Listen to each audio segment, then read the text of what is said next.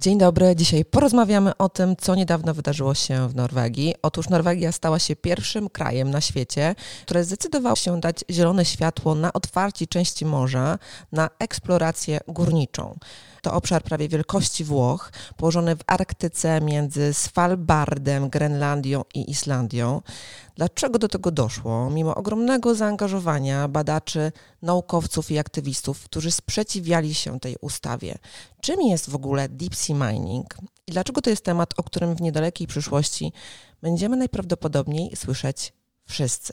O tym porozmawiam z Agatą Rzędowską, dziennikarką i jednym z wiodących głosów w tematach elektryfikacji i zielonych transformacji w Polsce. Cześć Agata. Cześć. Od razu podpowiem, bo wiele osób w Polsce nie wie, co to jest Svalbard. To Spitsbergen. Okej, okay. dobra, dzięki. To jest takie norweskie. Lepszy klimat. Podcast Pauliny Górskiej. Norwegia w styczniu zdecydowała się na taki krok i o tym bym chciała zaraz porozmawiać bardziej szczegółowo, dlaczego podjęła taką decyzję. Natomiast najpierw chciałabym, żebyśmy porozmawiały o tym, czym jest deep sea mining, czym jest to górnictwo głębinowe, na czym ono polega. Sprawa jest y, prosta i nieprosta. Tam, gdzie można zarobić, tam pojawiają się firmy, które niekoniecznie zawsze będą się przejmowały ochroną środowiska albo tym, co mają do powiedzenia naukowcy, naukowczynie albo organizacje prośrodowiskowe. Bardzo upraszczając, to jest właśnie kazus y, Norwegii. Rzeczywiście Norwegia wyłamała się wszystkim konwencjom, wymknęła się, można powiedzieć, spod kontroli i ta decyzja, która no na razie jest takim wstępem do tego, żeby zacząć tam jakieś poważne działania na dnie morskim, jest bardzo źle odbierana przez międzynarodowe gremia. Bruksela, która niespecjalnie lubi grozić palcem, tutaj pogroziła palcem. Na tym poziomie dyplomatycznym rzeczywiście stał się to temat niewygodny, a tak naprawdę to nawet nie wiemy, o co toczy się bój, bo tak głęboko nie schodzimy, niespecjalnie mamy zbadane, jak ten ekosystem tam w głębinach wygląda. Mamy różne sposoby, w zasadzie trzy, pozyskiwania pierwiastków z dna morskiego. Wszystkie one łączą się z jakąś ingerencją w ten ekosystem. No i teraz powstaje pytanie, jeśli będziemy chcieli to komercjalizować, ile to zajmie i czy rzeczywiście to jest y, skórka warta wyprawki, bo pamiętajmy, że producenci baterii wcale nie chcą pierwiastków krytycznych tak mocno eksploatować i wykorzystywać do produkcji w ogóle do zielonej transformacji, no bo chcą się uniezależnić, chcą zamykać w obiegu zamkniętym to, co już wydobyli i szukają tańszych sposobów. Trudno powiedzieć, żeby wydobywanie kilka kilometrów e, w, w głąb wody, potem przerzucanie tego na ląd, opracowywanie tych elementów, które się stamtąd pobrały, bo to są takie bryłki, trochę wyglądają jak brykiet do, do grilla, żeby to było tanie. Co można dokładnie wydobywać z głębin? Można większość surowców, które wykorzystujemy do budowy turbin, e, baterii, to są zarówno lit, kobalt, e, jak i część pierwiastków ziem rzadkich, ale to nie jest tak, że w takiej bryłce, jedna bryłka to będzie na przykład sam lit, albo sam kobalt, albo jakiś inny pierwiastek. One są zmieszane, to są takie, można powiedzieć, rudy i z tych ród trzeba teraz odcedzić, odseparować te poszczególne pierwiastki. Także z jednej strony fajnie, mamy jakieś źródełko, ale czy to źródełko będzie opłacalne, trudno powiedzieć, raczej nie będzie. No właśnie, bo ja czytam, że te dotychczas proponowane metody eksploatowania dna morskiego polegają na umieszczeniu pojazdu wydobywczego. Jest to zazwyczaj bardzo duża maszyna, która przypomina trzypiętrowy traktor, już to samo brzmi lekko przerażająco, która po dotarciu na dno odkurza górną warstwę jego powierzchni, zasysa i wysyła osad, skały, zmiażdżone zwierzęta, głuski osadowe do statku, który czeka na powierzchni. I tam minerały są właśnie sortowane, jak mówiłaś, a zawiesina, która składa się z osadu, wody, środków przetwórczych jest zwracana do oceanu za pośrednictwem tak zwanego pióropusza zrzutowego, to za stroną wodnesprawy.pl, więc nie brzmi to najlepiej, a nawet zupełnie odwrotnie, brzmi to w taki sposób, że jednak no, my mocno naruszamy tą przestrzeń. Zdecydowanie tak. Byłam w grudniu w Norwegii. Akurat trafiłam na jedną z niewielu tak dobrych, e, głębokich debat poświęconych tematowi Deep Sea Mining i pokazywano nam też film dokumentalny, kiedy kamera śledzi poczynania jednego z przedsiębiorców, e, takiego, który odważnie chce wejść na ten rynek i właśnie pokazuje technologię, że w zasadzie zobaczcie, no, z czym to się wiąże. Odsysamy i tyle. Mi od razu na myśl przyszła taka wielka sprzątaczka z tego filmu Kosmiczne Jaja, która jeździ po pustyni odkurzaczem. Tak to mniej więcej wygląda. Tam na dnie morskim są różne żyjątka. My nie do końca wiemy, jaką one pełnią funkcję, jaką odgrywają rolę w całym morskim ekosystemie, a może nawet więcej niż morskim. Wiemy natomiast to, że w pierwszych e, takich próbach badawczych, poszukiwaniach i wydobywaniu właśnie jakichś elementów z dna morskiego, które przeszło 20 lat temu, z tego co pamiętam, się odbyły, to życie tam się nie odrodziło. A pobieramy z kolei rzeczy, które się wytwarzały setki, tysiące lat, no więc za naszego życia na pewno nie będziemy w stanie zaobserwować e, te, takich prawdziwych efektów tego, co zrobiliśmy, pozytywnych czy negatywnych. No na razie wygląda na to, że negatywnych. Bo faktycznie jest tak, że według badań my o oceanach jeszcze wiemy stosunkowo niewiele, a tym bardziej o tym, co tego typu działania mogą długofalowo zmienić, jak mogą wpłynąć na przykład na oceany czy morze, tak. na bioróżnorodność, na środowisko. Powiedz mi, czy poza Norwegią są jakieś inne kraje, które są zainteresowane deep sea mining? Chiny y, są przedstawiane jako, chociaż w tej chwili jest dość silne porozumienie, żeby jednak kolejne kraje się nie włączały w te poszukiwania i eksploatacje później. Natomiast cała branża mówi o tym, że jeżeli się ktoś wyłamie, to będą to Chiny. Ile w tym prawdy? Trudno powiedzieć bo Chiny generalnie mają złoża na ziemi, e, na których im zależy i też e, poszukują technologii, które pozwolą im się uwolnić częściowo od drogiego wydobycia, kosztownego też e, pod względem środowiskowym, no bo ich też rozliczamy z emisji, z, z, z różnych tak naprawdę sposobów wpływania na środowisko.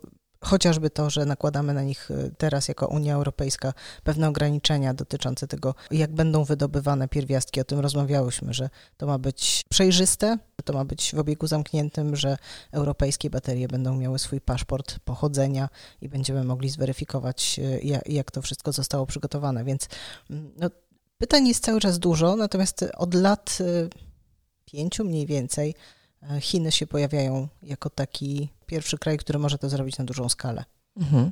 Porozmawiajmy o tym kontekście. Dlaczego właśnie kraje, takie jak Norwegia czy Chiny, jak powiedziałaś, są zainteresowane deep sea mining, czyli górnictwem głębinowym.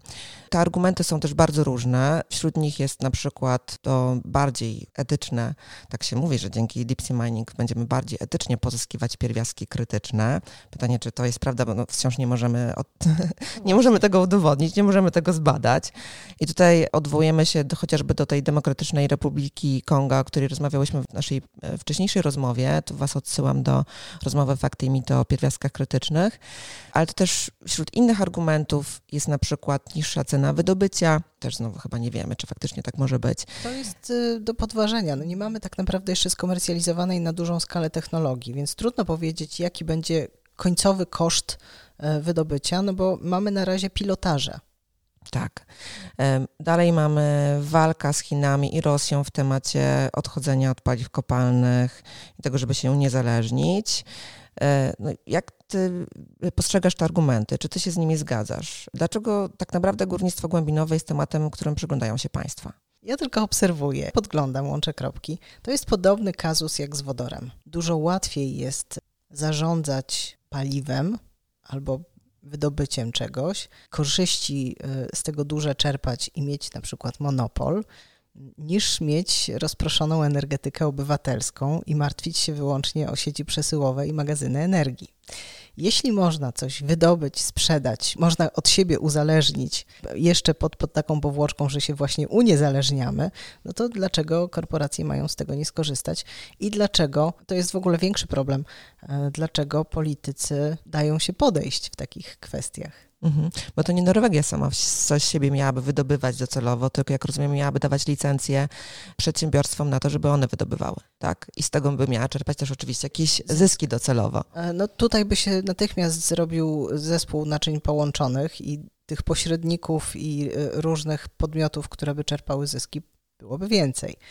No i Myślę, że głównie o to chodzi. Druga rzecz to jest e, też e, silny lobbying firm paliwowych, takich e, klasycznych paliwowych, które teraz przechodzą transformację. One wciąż poszukują, one by chciały status quo. Przyzwyczaiły się do funkcjonowania w pewnej rzeczywistości, sprzedawania po prostu towaru, który wydobywają i chcą to robić nadal. Czy ty jako osoba, która zajmuje się elektromobilnością na co dzień, jesteś dziennikarką, czy dla ciebie deep sea mining jest w ogóle jakąś opcją na pozyskiwanie pierwiastków krytycznych? Czy ty faktycznie upatrujesz w tym jakieś szanse, czy raczej więcej zagrożeń na dzień dzisiejszy? W tej chwili wydaje mi się, że więcej widzę zagrożeń i to zagrożeń nawet nie, że tam od razu zdegradujemy środowisko jakoś, bo zanim się tam dokopiemy i rzeczywiście to, e, to wydobycie będzie na dużą skalę, to jeszcze trochę wody w rzekach popłynie. Bardziej boję się tego, że pojawia się kolejny temat, którego ludzie nie zrozumieją, będą powtarzać pewne mity, narosną te mity e, do takiej jakiejś niezdrowej skali i znowu silna grupa, głośna grupa zacznie blokować możliwość transformacji. A ja wiem, rozmawiając z inżynierkami, z inżynierami, z ludźmi z różnych instytutów badawczych w różnych krajach, że prace nad bateriami, które będą dużo trwalsze, dużo bardziej przyjazne środowisku, e, będą gwarantować większe jeszcze bezpieczeństwo użytkowania e, samochodów elektrycznych czy magazynów energii, są w toku. Więc e, teraz zastanówmy się, czy rzeczywiście potrzebne nam jest pompowanie pieniędzy w technologię, która no, może się okazać, że nie będzie w ogóle potrzebna, bo komercjalizacja to jest powiedzmy 10 do 15 lat. Za 10 czy 15 lat baterie, które będą w najróżniejszych pojazdach, czy nawet w naszych telefonach, to będą zupełnie inne baterie niż te, które znamy dzisiaj. Czyli podsumowując, obawiasz się tego, że pojawi się kolejny temat, o którym można było powiedzieć taki trochę czarny PR wokół tematu Odwró- zielonej tak. transformacji? Odwróci trochę mhm. uwagę od tego, co naprawdę się dzieje. E, ciekawe jest jeszcze to, że według Environmental Justice Foundation górnictwo głębinowe nie jest potrzebne do przejścia na czystą energię. Przewiduje ta organizacja, że połączenie nowych technologii, a też gospodarki o obiegu zamkniętym i recyklingu może zmniejszyć zapotrzebowanie na minerały o 58% w latach 2022-2050, więc wygląda na to, że no jest to jakiś temat, który, nad którym nie, nie, niepotrzebnie się pochylam, znaczy moim zdaniem teraz, teraz jak najbardziej potrzebnie, no bo Norwegia podjęła taką, a nie inną decyzję, trzeba o tym rozmawiać, ale no chyba generalnie świat nie musi o tym myśleć. Nie powinien. Nie, nie powinien o tym myśleć. Czyli komuś bardzo zależy na tym, żeby zarobić. No właśnie, no wracamy do tej Norwegii i tutaj bym chciała podsumować, co się wydarzyło. Aktywiści i grupy ekologiczne, między innymi z WWF-u, Greenpeace, Bellona. E, dokładnie, zebrali się w grudniu przed norweskim parlamentem, aby zaprotestować przeciwko właśnie przegłosowaniu ustawy. Dodatkowo 800 naukowców i ekspertów do spraw polityki morskiej z 44 krajów wezwało do wstrzymania planów wydobycia głębinowego które właśnie według nich mogłyby doprowadzić do nieodwracalnych szkód. Były prowadzone przez cały 2023 rok różnego rodzaju działania społeczne. Francja e... bardzo mocno się włączyła w e, popularyzację wiedzy w ogóle na ten temat. Tak, dokładnie. I tutaj taka ciekawostka ze świata popkultury. Znany aktor Lucas Bravo z serialu, który być może znacie, być może nie, Emily w Paryżu, też się bardzo mocno włączył w temat właśnie górnictwa głębinowego. Jego materiały, które mówiły o tym, nie róbcie tego, mają po kilka milionów wyświetleń. Unia Europejska, Wielka Brytania wezwał do też zakazu tej praktyki, przynajmniej tymczasowego. Powstał list otwarty, podpisało 550 tysięcy osób. Mimo tego Norwegia dała na to zielone światło. Na co dokładnie norweski rząd się zgodził? Wydaje mi się to też ciekawe z powodu postrzegania Norwegii w świecie, no bo mówimy Norwegia, to myślimy taki zrównoważony kraj, że z dużą świadomością tak, ekologiczną. walczy z zmianą klimatu, zielona transformacja, właśnie elektromobilność i tak dalej. No i mamy tutaj taką decyzję. Mimo hmm. tego, że wygląda na to, że cały świat się sprzeciwia, Norwegia się zgadza przynajmniej część y, polityków i polityczek. Znaczy, y, y, Norwegia jest bardzo ciekawym krajem. To, co powiedziałaś, że ta zielona transformacja tam jest. Świetnie to widać w tym, jak udało się już ograniczyć kolosalnie w porównaniu z innymi krajami europejskimi emisję CO2 z transportu. Dzięki temu, że tam 80 kilka procent za zeszły rok sprzedaży nowych samochodów to były elektryki, że w tych największych miastach to mniej więcej co trzeci samochód zarejestrowany to już jest elektryczny, e, że inwestuje się w to, żeby pojawiły się ciężarówki na, na drogach, że inwestuje się masę pieniędzy w kolej. Nie tylko samochody, ale też komunikacja zbiorowa. Zdecydowanie tak. Mhm. Podnosi się e, opłaty za, to, za użytkowanie prywatnego samochodu. W Oslo to jest naprawdę droga impreza. I to niezależnie od napędu, bo na samochody elektryczne też e, będą nakładane kolejne daniny, no bo taki był plan, tak? Najpierw popularyzujemy, e, z tego co zanieczyszczający płaci, dajemy tym, którzy kupują coś ekologicznego, ale te ekologiczne rzeczy też muszą nam dostarczać z podatków pieniędzy na to, żeby inwestować chociażby w infrastrukturę drogową. Świadomość ekologiczna jest rzeczywiście bardzo duża.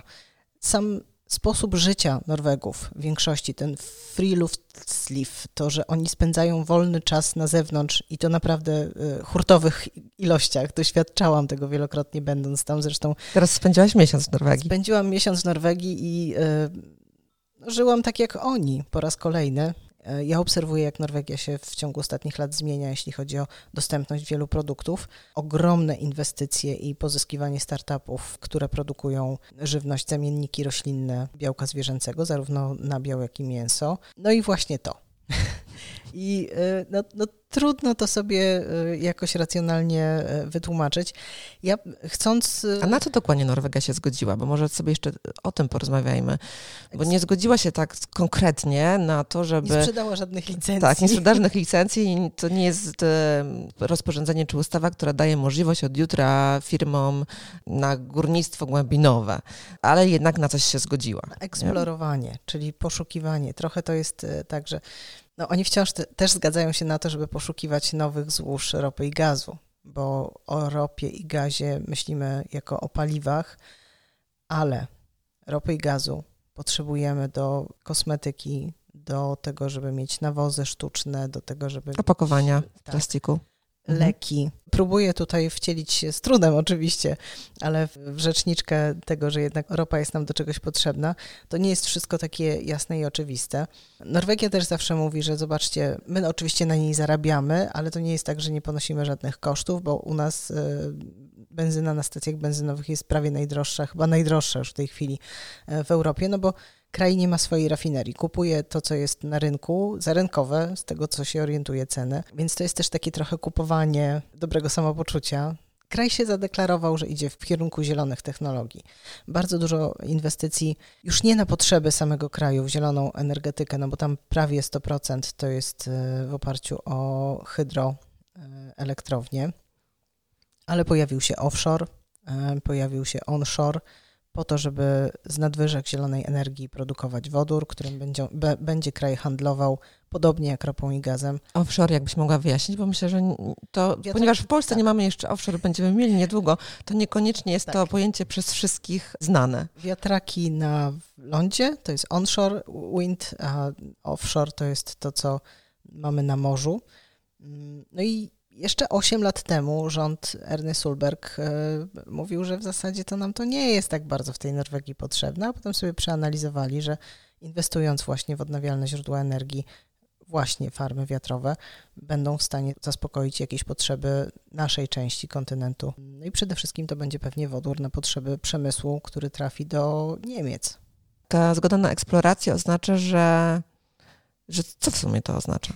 No właśnie nie do końca wiadomo, bo tam jeszcze, jeszcze raz trzeba będzie coś zagłosować, jeszcze trzeba, trzeba się okay. będzie dopytać. Natomiast no, pierwszy sygnał, pierwszy taki impuls poszedł, że w jakiś sposób będzie się można temu, co jest na dnie e, morskim przyglądać z takim nastawieniem, że być może da się to potem wydobywać z tego co wiem, też politycy mówią, że trzeba będzie, zanim ktoś dostanie licencję docelowo, no to będzie musiał przedstawić różne dane środowiskowe. I na podstawie tego dopiero będą podejmowane decyzje. I, I wszyscy się uśmiechamy, tak, kiedy tak. to słyszymy. Kto to będzie robił i jak?